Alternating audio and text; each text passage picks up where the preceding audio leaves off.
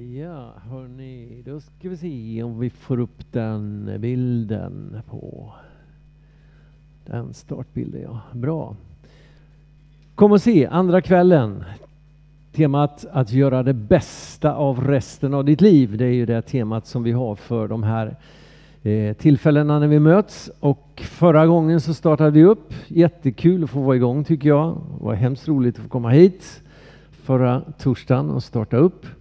Och då talade vi om att låt inte bara livet få snurra på. Stanna upp och reflektera. Jag tror att det är en av de saker som vi verkligen behöver göra i den här tiden. Stanna upp och reflektera. Du vet, eh, livet snurrar oerhört intensivt. Ehm, och, och, I den här tiden det är så mycket impulser, intryck, grejer hela tiden. Va? Och det är så viktigt att ibland stanna upp, reflektera över livet. Eh, och vi hade tre saker vi, vi sa förra gången. För första så sa vi att eh, du kan egentligen inte finnas. Sannolikheten att du skulle finnas, den är så försvinnande liten. Eh, och ändå finns du. Varje gång en befruktning sker så är det 500 miljoner, tror jag det var, eh, spermier som kappsimmar. Och varje spermie har sin egen arvsmassa. Hade någon annan spermie kommit först så hade det inte varit du. Det hade varit någon annan. Eh, multiplicera det med sannolikhet att din mamma och pappa, mormor och morfar, farmor och farfar skulle finnas till. Och det finns. Det är omöjligt att du finns. Och ändå finns du. Det andra vi sa det var att livet är Guds gåva till dig.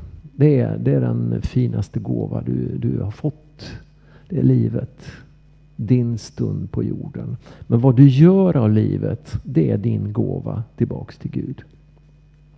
Och sen sa vi för det tredje att eh, Jesus han möter oss där vi är. Och det är så bra att han möter oss inte där vi skulle kunna vara, där vi önskar att vi skulle ha varit, utan han möter oss precis där vi är i livet. Men han vill inte att vi ska stanna kvar, utan han vill leda oss vidare. De tre sakerna sa vi förra gången. Ikväll så kommer vi att tala om att det börjar med Gud. Hur man lägger grunden är alltid avgörande under rubriken. När jag ibland har undervisat om predikan och predikokonst så brukar jag säga det att eh, predikan det är som är flygning. Det är starten och landningen som är de mest kritiska momenten. Så är det både när man flyger och när man predikar. Hur man startar och landningen är de mest kritiska momenten. Om det är sant så borde man ju förvänta sig att om man går till den bästa predikan som någonsin har hållits i världshistorien så borde det vara en riktigt bra start och en riktigt bra landning. Och så är det också. Om man går till bergspredikan Predikan som Jesus höll där uppe på saligprisningarnas berg på norra sidan av Genesarets sjö är den bästa predikan som någonsin har hållits. Den startar med de där mättade saligprisningarna. Och så landar den med en liknelse som är så enkel men som är så genial i sin enkelhet. Låt oss läsa den ifrån Matteus 7 och vi läser då ifrån vers 24. Det här är hur Jesus landar bergspredikan. Den som hör dessa mina ord och handlar efter dem liknar alltså en klok man som byggde sitt hus på klippan. Regnet öste ner, floden kom och vindarna blåste och kastade sig mot huset, men det föll inte för det var grundat på klippan. Men den som hör dessa mina ord och inte handlar efter dem, han liknar en dåre som byggde sitt hus på sanden. Regnet öste ner, floden kom och vindarna blåste och slog mot det huset och det föll samman och dess fall var stort. När Jesus hade avslutat detta tal var människorna överväldigade av hans undervisning. För han undervisade dem med auktoritet och inte som deras skriftlärda. Åhörarna blev överväldigade av Jesu undervisning. Det fanns en klarhet som upplyste deras hjärtas ögon. Det fanns en enkelhet som gjorde att det, det djupsinniga blev förståeligt. Och det fanns en auktoritet som de inte var vana vid att möta när de lyssnade på de skriftlärdas undervisning. Och Jesus avslutar alltså bergspredikan med att berätta om två stycken husbyggare. De bygger varsitt hus. Jag kan tänka mig att till det yttre så såg de här husen ganska likartade ut. Det var ingen större skillnad till det yttre på husen. Men om man kikade bakom huset eller under huset, grunden, där var skillnaden. En byggde på Hälleberget medan den andra byggde på lös sand. Och från början såg man ingen skillnad på de där två husen. Eh, så länge som omständigheterna var goda, så länge som solen sken och, och allt var, var mysigt och bra, så såg man ingen skillnad. Men när regnet kom, när floden kom och när vindarna kastade sig mot de här två husen, så stod det ena kvar medan det andra föll samman. Varför då? Jo, därför att grunden till husen var helt olika. Jag brukar säga det att krisen, alltså så länge som allting rullar på så, så funkar det mesta. Men krisen, problemen, kriserna är som en besiktningsman som kommer och besiktar bygget och visar oss om det är gediget byggt eller om det är ett fuskbygge. Så är det när man bygger eh, församling. Så är det när man bygger ett företag. Så är det när man bygger en folkhälsomyndighet eller vad du vill. Det är krisen som kommer att visa hur vi har byggt. Och så är det också när vi bygger våra egna personliga liv. Det är naturligtvis viktigt när vi bygger ett hus att vi ser till att grunden är bra. Men det är inte minst viktigt när vi tittar på våra egna liv, hur vi bygger dem. När vi kommer till slutet av vårt jordeliv, om inte förr, så kommer det att visa sig vilken grund vi hade för vårt livsbygge. I mötet med döden, den yttersta fienden, så kommer det att stå fullständigt klart vad som har varit vår grund. Och Det är också viktigt att förstå att Jesus berättar inte bara den här liknelsen för att eh, lära oss hur man bygger ett hus. Utan han förklarar faktiskt vad han menar med det där. Han säger att den som bygger på Hälleberget det är den som hör Guds ord och gör efter det. Den som bygger på lös sand, det är den som hör men inte gör. Skillnaden mellan de här två männen var inte att den ena hörde och den andra inte hörde. Båda hörde samma sak. Man skulle kunna säga de satt i samma kyrka. De satt där när Jesus höll bergspredikan. Båda hörde samma undervisning, hörde samma ord. Det var ingen skillnad där. Skillnaden var att en gick och gjorde det som Jesus sa medan den andra inte gjorde det. Det är själva görandet som är den springande punkten i våra livsbyggen. Vi vet så mycket vad som är rätt och hur vi borde göra. Men frågan är om vi gör det. Det är det som är den springande punkten. Liksom, va?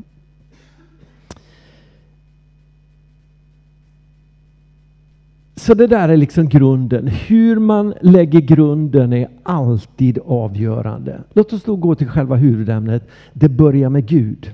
Ja, Bibelns budskap är väldigt tydligt när det gäller att allting började med Gud. Redan i första versen i Bibeln så slås det fast att i begynnelsen skapade Gud himmel och jord. Eller hur? När min, eller våran yngste son som är 25 nu Eh, när han var hos dagmamman så berättade hans dagmamma ändå att hon hade suttit och lyssnat på honom och hans kompis Andreas. Andreas var eh, barn till en familj i vår kyrka som vi jobbade i Falun på den tiden. Och de hade suttit vid fikabordet och Rosmarie kom och berättade här för mig. Det var så roligt, sa hon, att lyssna. De satt och pratade om vem som var deras bästa kompis. Och till slut så kom de överens om att det var Gud och Jesus som var deras bästa kompis. Ja, sa Andreas, Andreas då, för Gud har ju skapat allting. Och på våran Jakob sa, ja, fast inte allt. För inte Ikea, för det har en annan gubbe gjort. Och Rosmarie tyckte det var så kul så hon skrev faktiskt ett brev till Ingvar Kamprad och berättade det här och fick svar från Ingvar Kamprad. Vi har faktiskt det brevet hemma, vi har fått en kopia på det. Eh, skrivet på liksom rutat A4-ark så här va. Där han tackar för att hon tog sig tid att skriva och berätta om det här. Och, eh, han skrev att barn är ju underbara, det måste vara roligt att jobba med barn därför att de, är så, de tänker så kreativt. Eh, någonstans tar det där slut, sa han. Jag vet inte om det är när de kommer till skolan eller hur det är. Det var hans syn på det hela. Eh, men men, men eh, från början så tänker de väldigt kreativt. Och så eh, kände han sig uppmuntrad att bli liksom jämförd i sammanhanget. Och eh, så tackade han eh, henne en gång till för att hon skrev och så bad han henne hälsa till pojkarna och önska dem lycka till i livet. Och jag väntade bara under lång tid att det skulle börja stå på Ikeas eh, långtradare så här på sidorna. Gud har skapat allt, fast det är inte Ikea, för det har en annan gubbe gjort. Men innan det fanns någonting annat så fanns Gud. Gud är av evighet, Gud har alltid funnits. Han fanns före allt och kommer alltid att finnas. Vi lever i ett land där vi har korset i våran flagga och där fortfarande majoriteten av svenskar tillhör den lutherska kyrkan. Tittar man på statistiken kan man dock konstatera att utvecklingen har varit väldigt dyster. 1972 så tillhörde 95,2 procent av den svenska befolkningen Svenska kyrkan. 95,2 procent 1972. 2022, 50 år senare, så är siffran 52,8 procent. Alltså man har gått från 95,2 till 52,8. Eh, men det är ändå majoriteten av antalet svenskar som tillhör den lutherska kyrkan. Och sen har vi ju eh, frikyrka. Ja, lutherska kyrkan är också en frikyrka idag på ett sätt. Va? Men, men, men eh, så, så, majoriteten av svenskar har ändå liksom en anknytning till kyrkan på ett eller annat sätt. Men ändå så är det omöjligt att undgå att se att tron, andligheten, kyrkan, Gud har blivit allt mer marginaliserad i vårt land. Faktum är att när man tittar på World Value Survey, på deras undersökning, så visar det sig att Sverige är det mest individualistiska landet i hela världen. Och Sverige är det näst mest sekulariserade landet i hela världen. På söndagarna har våra köpcenter blivit de tempel dit människor vallfärdar, medan allt färre hittar vägen till kyrkornas gudstjänster. Skådespelaren Peter Stormare gjorde en knivskarp analys när han formulerade sig så här. Jag kan teoretiskt sett spela en, en enmansföreställning i tre timmar på Dramatens stora scen. Där jag vandrar fram och tillbaka i en monolog skrikande svordomar och könsord för att avsluta denna monolog med att sätta mig på en hink och uträtta mina naturbehov. Ingen i Sverige skulle reagera på att detta var något konstigt. Förmodligen skulle jag hyllas som konstnärligt nyskapande. Men om jag stillsamt, stillsamt konstaterar att jag i likhet med de flesta andra människorna på jorden tror på Gud, så tycker människor att jag är suspekt. Det är en ganska skarp analys av var vårt land har hamnat. Hur har det kunnat bli så? Ja, min analys är att vår nation, vi som nation, har blivit bestulna på det mest värdefulla som vi äger, nämligen på Gud. Ibland tänker vi kanske att det är inte så stor skillnad. Vissa människor tror på Gud, andra människor tror inte på Gud. Och så är det liksom, och det är ingen större skillnad på det här. Jag skulle vilja hävda att det är en väldigt stor skillnad på det här. Låt mig göra en liten genomgång och liksom jämföra vilka konsekvenser det får om vi tror på en Gud eller om vi omfattar en ateistisk livsåskådning, en materialistisk humanism, alltså där, där människan står i centrum, inte Gud utan människan och där bara det materiella finns, existerar. Där det inte finns något utom eh, världsligt så att säga. Om vi jämför de två sakerna så ser vi att, att det blir sån skillnad. Va? Om vi plockar bort Gud ur livsekvationen så får det uppenbara konsekvenser. Vi kan börja med det här. Gud är. Om vi börjar med frågan om Guds existens så kan det bara finnas två alternativ. Antingen finns Gud eller också gör han det inte. Han finns inte, eh, det är inte så att han finns till 50 procent eller så. Utan, utan antingen finns Gud eller också finns han inte. Och idag hävdar många människor i vårt land att Gud bara är en subjektiv tanke. Man har alltså vänt på begreppen. Istället för att Gud har skapat människan så är det människan som har skapat Gud. Eh, han finns i verkligheten inte, men av någon anledning så behövde vi människor en Gud. Vi var små, vi var sma, svaga och därför behövde vi någonting att luta oss mot. Någonting som kunde stärka oss. Så därför skapade människan en Gud. Gud är alltså en mänsklig konstruktion. En produkt av våran fantasi.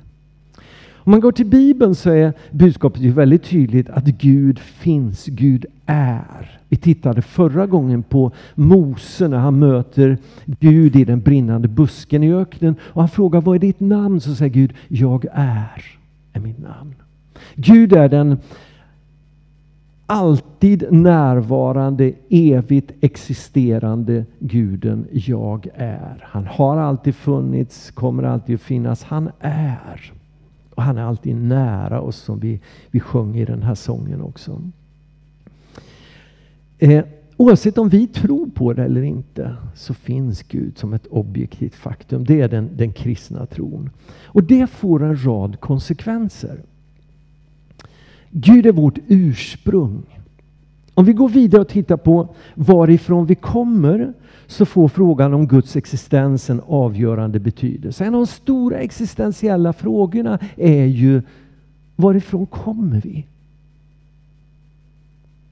Varifrån kommer vi människor egentligen? På tv finns det, eller åtminstone fanns det, ett program som heter Spårlöst. Det finns säkert på någon av kanalerna nu också. De går ju runt på olika kanaler. Är det någon som vet om Spårlöst finns längre? Har ni sett det? Det här programmet som, som någon eh, eh, person som har blivit adopterad återvänder till sitt hemland för att försöka hitta och få kontakt med några anhöriga. Eh, för en del år sedan så kikade Karin och jag en del på det där och tyckte det var, var spännande. Därför att det var, var alltid gripande att se vilka känslomässiga reaktioner det skapade när man hittade sin biologiska familj.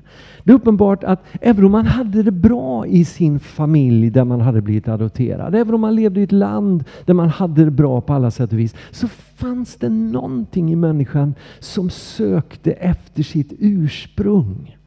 Var kommer jag ifrån? Vad är mina rötter?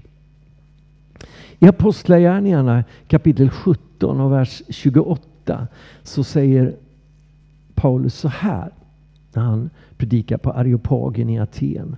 För i honom är det vi lever och rör oss och är till. Så som även några av era egna skalder har sagt, vi är av hans släkt. Eller en annan översättning säger det, vi har vårt ursprung i honom.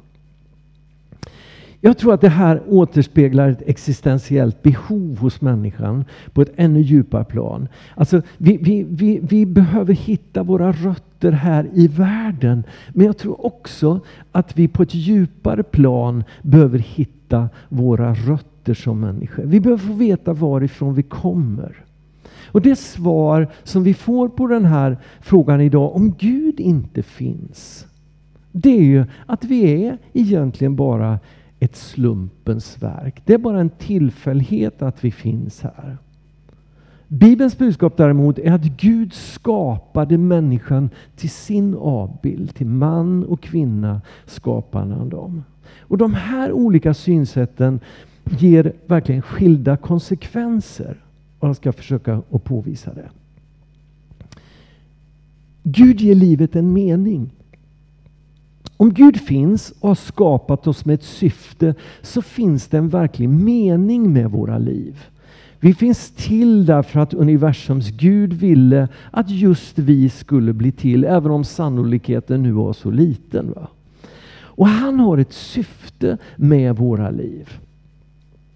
Men hur kan det finnas en mening om inte någon har menat någonting med livet?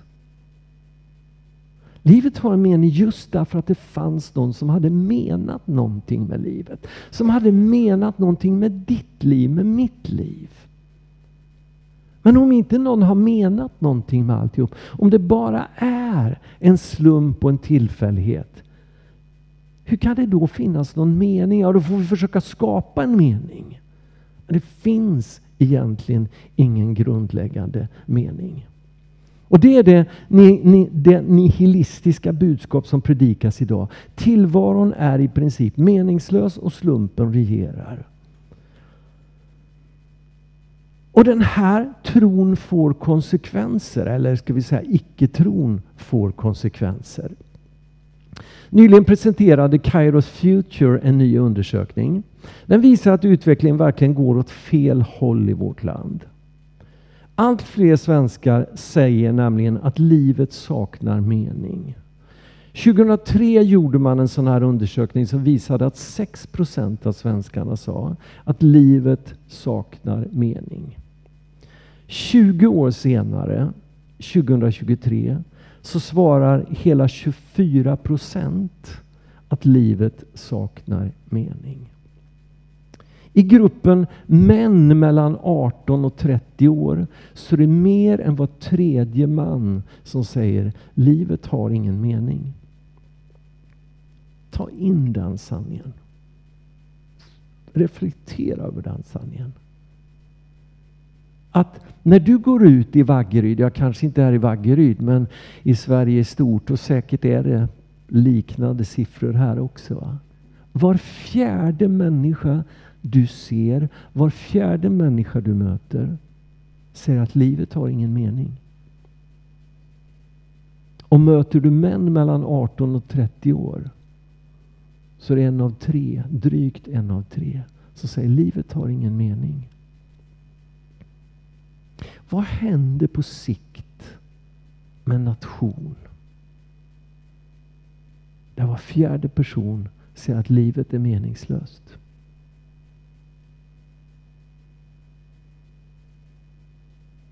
Det är värt att fundera på både en och två gånger. Va?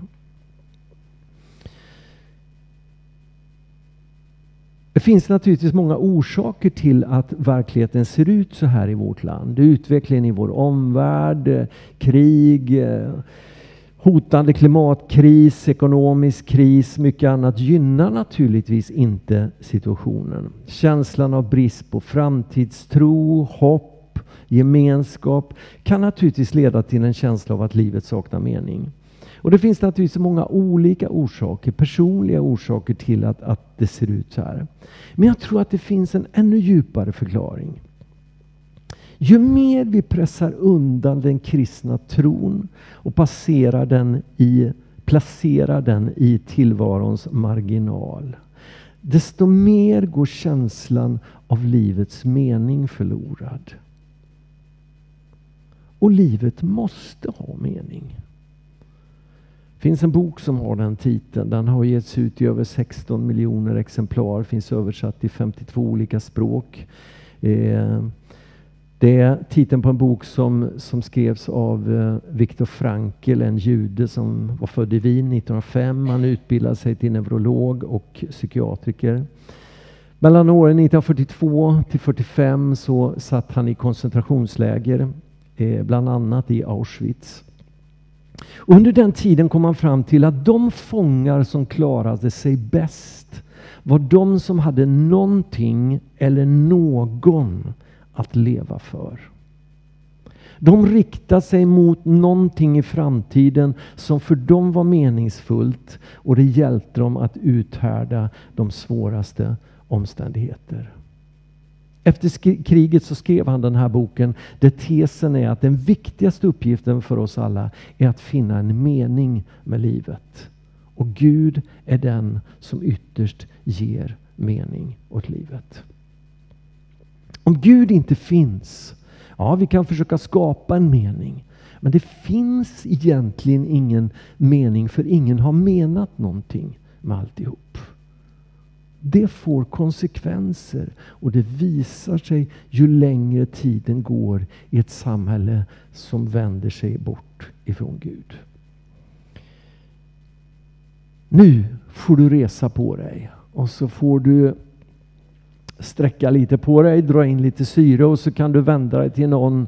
Om du tycker det här var bra så säger du det här var bra. Om du tycker att det var inte var bra så kan du säga så här. Nu kan det i alla fall inte bli sämre.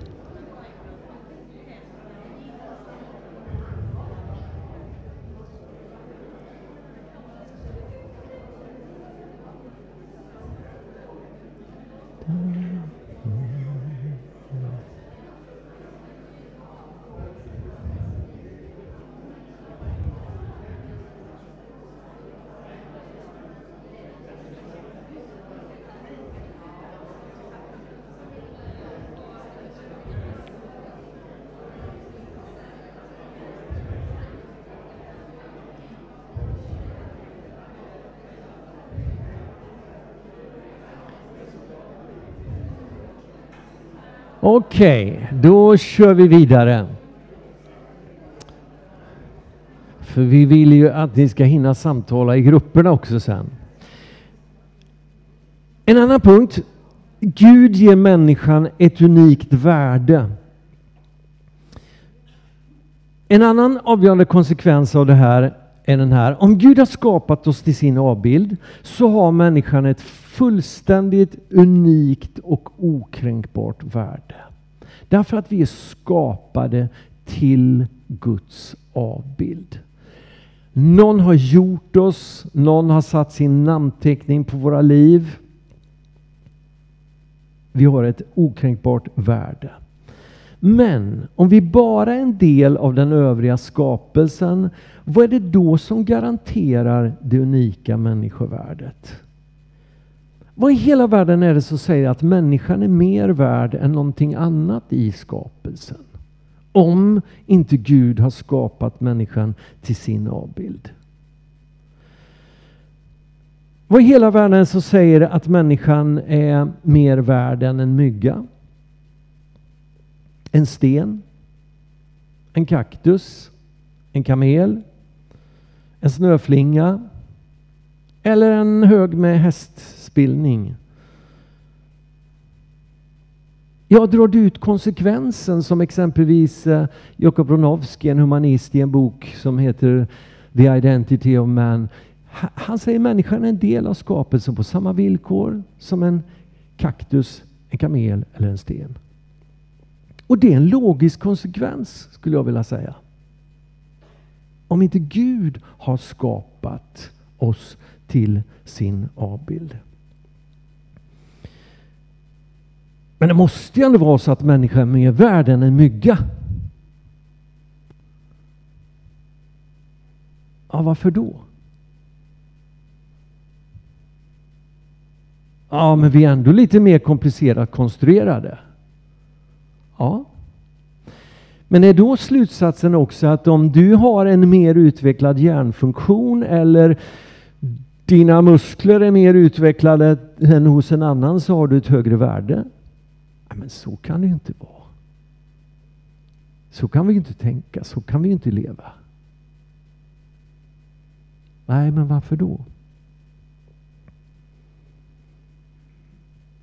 Ja, men vi, vi tror att människan har ett unikt värde och eh, FNs deklarationer om de mänskliga rättigheterna och så här, ja, de är jättebra.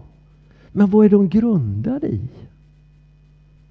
Jo, men det har vi kommit överens om att så är det, så måste det vara. Ja, men i så fall kan vi också en annan dag komma överens om att det inte är så.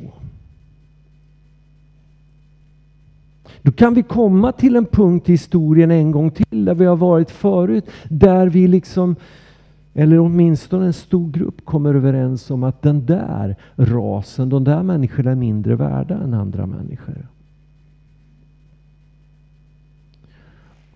Om inte Gud finns, om det inte finns någonting utanför människan som vi förankrar vårt människovärde i, så sitter det ganska löst. Bara om Gud har skapat oss till sin avbild finns det en verklig grund för det unika människovärdet. Tro inte att inte människans värde devalveras när ett samhälle blir bestulet på Gud. Och vi ser det så tydligt idag. Hur mycket är en människas liv egentligen värt i vårt land idag? Vi ser hur det här devalveras. Vi ser det i alla skjutningarna nu exempelvis. Vad är en människa värd?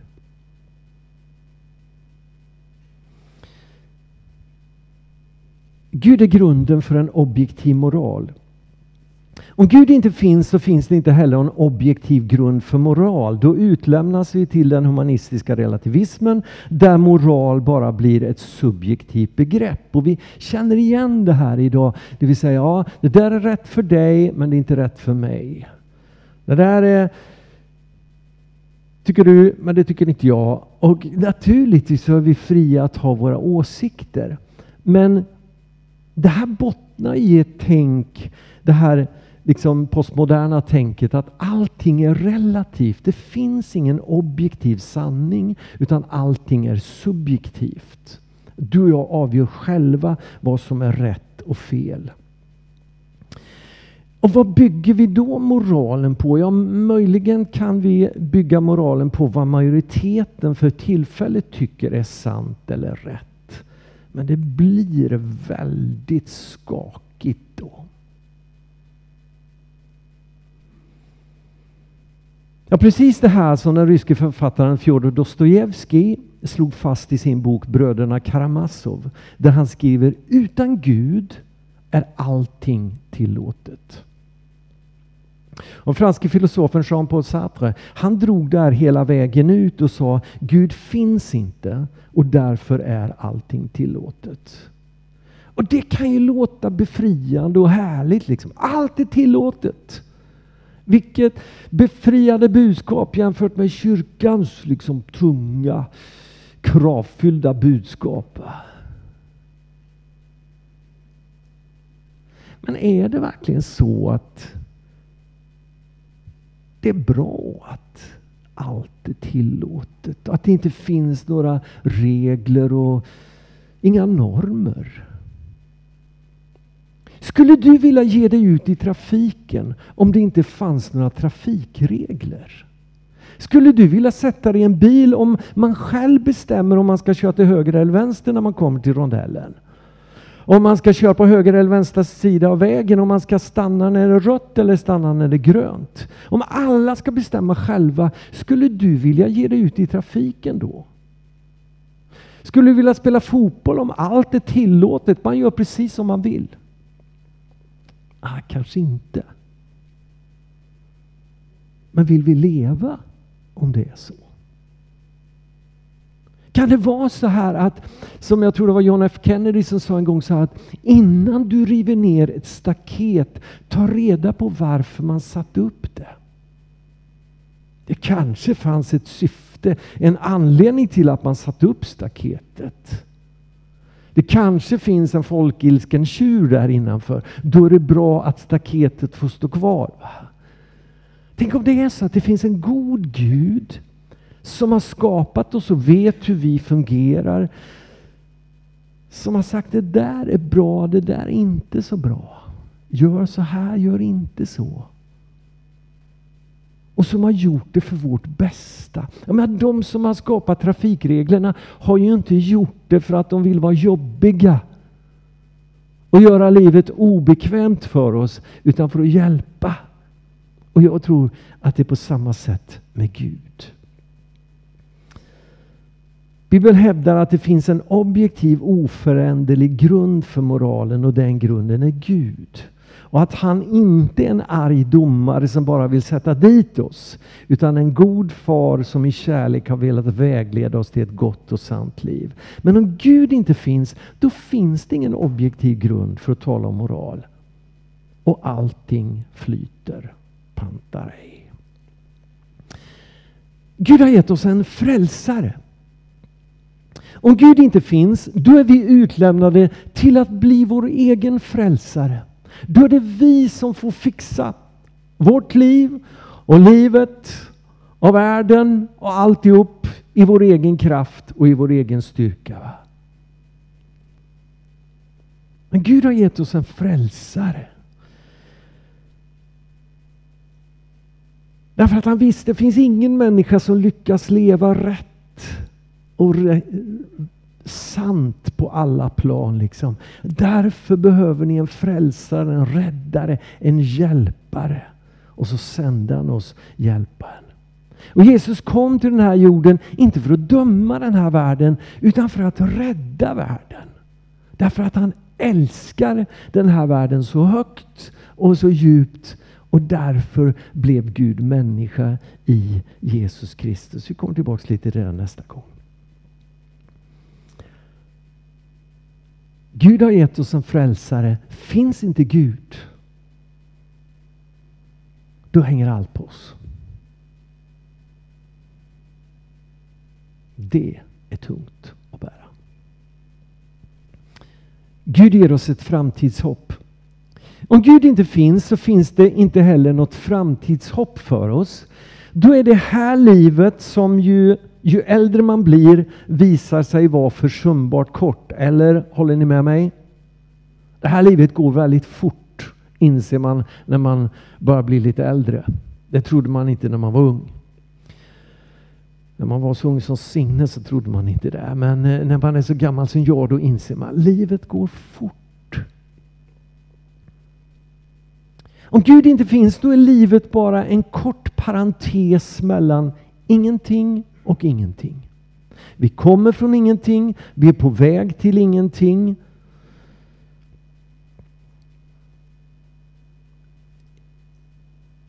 Jag får både nu och då officera på begravningar. Jag skulle aldrig vilja officera på en begravning om det inte var för det där som Jesus sa i Johannes 11 och 25. Varenda gång när jag står där vid foten på kistan i slutet av begravningsgudstjänsten så känner jag det är så gott att kunna proklamera och säga Jesus sa Jag är uppståndelsen och livet. Den som tror på mig ska leva om han än dör. Det är bra att veta. Jag minns efter en riktigt tuff begravning vi hade haft i Huskvarna. Min fru kommer ner till mig efter begravningsgudstjänsten. Hon kom fram till mig, och tar tag i mig och tittar mig rakt in i ögonen och säger så, bara så här. Fattar vi egentligen vilket budskap vi har? Fattar vi vilket budskap vi har? Budskap om att det finns en mening. Vi kommer någonstans ifrån. Vi kommer från Gud. Han har en mening med livet och när livet tar slut så tar det inte slut utan då börjar det riktigt. På allvar. Och det tar aldrig slut.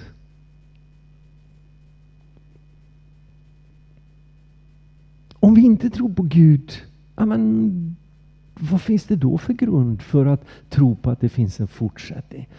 Ja, alltså, vi, vi är, det är ganska intressant i vårt samhälle idag. Jag tänker på det när Stefan Liv dog. Vad skrev tidningarna då? Jo, då skrev man så här, tidningar där man liksom inte tror på Gud och så här, så säger man ändå så här, nu fångar Stefan puckar i himlen. Det är intressant. Vi tror inte på Gud. Vi tror inte på himlen. Men i mötet med döden är det som att, nej men vi står inte ut. Och tänker oss att det finns ingen fortsättning. Utan vi lever som om det måste finnas en fortsättning fast vi egentligen inte tror på det. Det är ganska intressant. Om vi tror på Gud, då har vi hopp inför evigheten. Carl von Linné han uttryckte det så här. Livet är en vacker såpbubbla. I döden ser du hur tom människans bubbla är. Ja, det är verkligen sanningen om det inte finns någon Gud. Men om det finns en Gud, då finns det något i våra liv som överlever själva döden. Och då, då är, får inte döden det sista ordet. Och då finns det också ett löfte om att någonstans i historien kommer rättvisa att skipas. Den här världen är inte rättvis. Eller hur? Håller du med mig? Det här livet är inte rättvist. Det finns ingen, ingen rättvisa i den här världen. Men någonstans kommer rättvisa att skipas. Om det inte finns någon Gud, håller på att säga, då, då spelar det inte så stor roll hur man lever här i världen heller. Om man är en Moder Teresa eller om man är en Adolf Hitler. För det tar slut för oss allihopa och så är det inget mer och det blir ingen rättvisa skipad. Men om Gud finns så kommer någonstans historien att rättvisa att skipas av den som ensam vet vad som är rätt och sant. Och när han fäller sina domar kommer ingen att protestera. För för första gången i historien har fullkomlig rättvisa skipats. Gud har skapat oss människor med en fri vilja och med en frihet att tänka, tro och tycka som vi själva vill. Och den friheten måste vi kämpa för att alla ska få ha. Varje människa har sin fulla rätt att tro att det finns en Gud eller att tro att det inte finns någon Gud. Att predika evangeliet eller att predika ateismens budskap. Men en individ och nation som väljer att sätta tro till att det inte finns någon Gud kommer att vara oändligt fattig. För utan Gud finns inga svar på de stora livsfrågorna. Vi har egentligen ingen aning om varifrån vi kommer, varför vi är här, vad livet går ut på eller vart vi är på väg. Vi har inget ursprung som vi kan hitta hem till. Det finns ingen riktig mening med livet. Vi har ingen egentlig grund för att kunna hävda det unika människovärdet. Det finns ingen objektiv moral. Det finns ingen frälsare som kan rädda oss från vår egen ofullkomlighet. Och inför döden står vi med en fullständig avsaknad av något som helst hopp. Vi är då, som Paulus uttryckte det, utan hopp och utan Gud i världen. Om vi är bestulna på Gud så är vi egentligen bestulna på allt. Du som individ, vårt land, vår värld förtjänar bättre än så. Därför tror jag att vi behöver fortsätta att hävda att vi tror på Gud.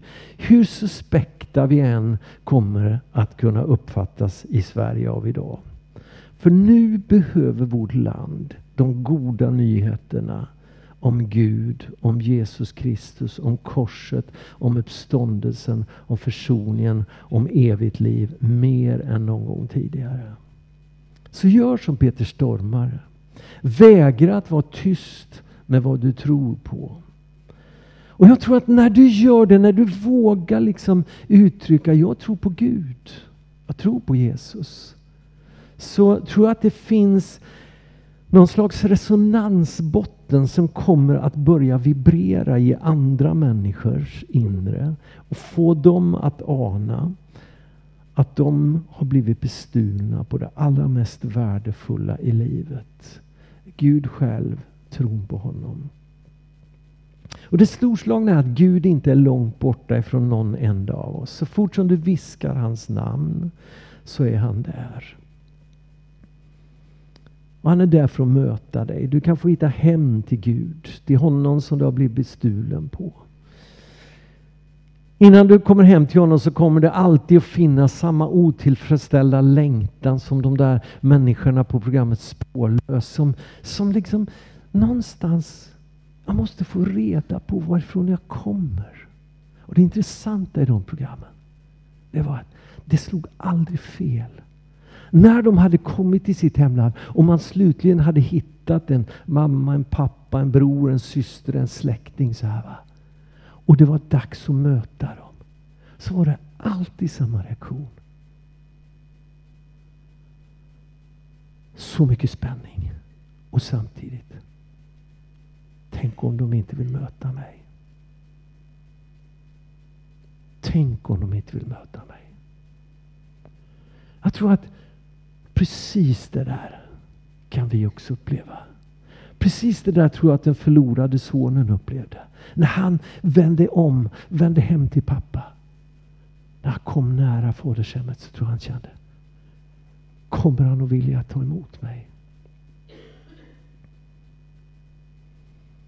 Du kan vara säker på att han kommer att vilja ta emot dig. Du är efterlängtad när du kommer till honom. Varje människa är efterlängtad när man vänder om till Gud.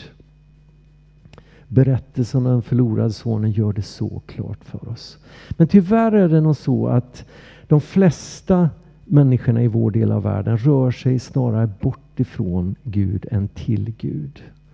Samtidigt tror jag att nöden och krisen kan få oss att kanske komma till besinning precis som den förlorade sonen. Vi inser att det inte finns någon djup tillfredsställelse i livet när vi kopplar bort Gud. Om vi då vågar vända om och vända hem till Gud så kommer vi att möta en far som är oändligt mycket godare än vad vi någonsin har vågat tro. Vi kommer att uppleva att vi verkligen kommer hem. Men då är det också så viktigt vilka som tar emot. Jag brukar säga det. Vilken tur att det inte var den hemmavarande sonen som tog emot den förlorade sonen när han kom.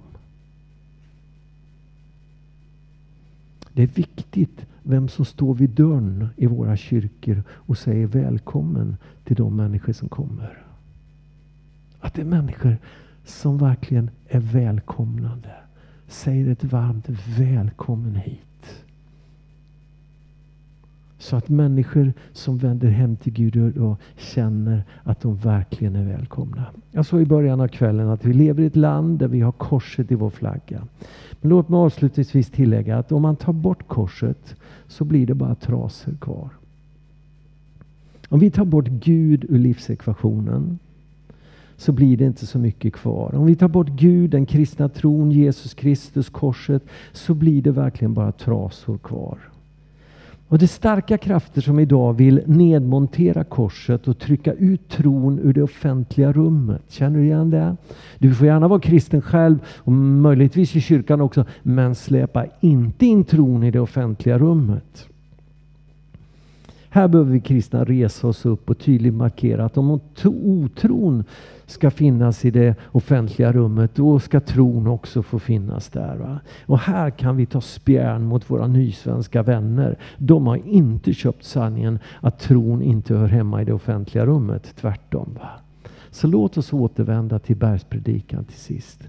Där Jesus säger, ni är världens ljus och ni är jordens salt. Låt oss vara ljus, låt oss vara salt. Annars kommer den här världen att ruttna mer och mer. Och det kommer att bli ack så mörkt i den här världen. Men ett litet ljus som lyser, det kan åstadkomma så mycket. Ett salt i förruttnelsen kan åstadkomma så mycket. Det börjar med Gud. Och hur man lägger grunden, det är alltid avgörande. Nu är det dags för samtalsgrupperna. Och vem informerar? Är det Signe som informerar? Eller är det Stefan som informerar? Är det någon annan som informerar? Vi lägger upp dem bara. Nu var det dags för samtalsgrupper. Det var säkert exakt inställt. Det var någon som ville väcka mig ifall jag höll på för länge.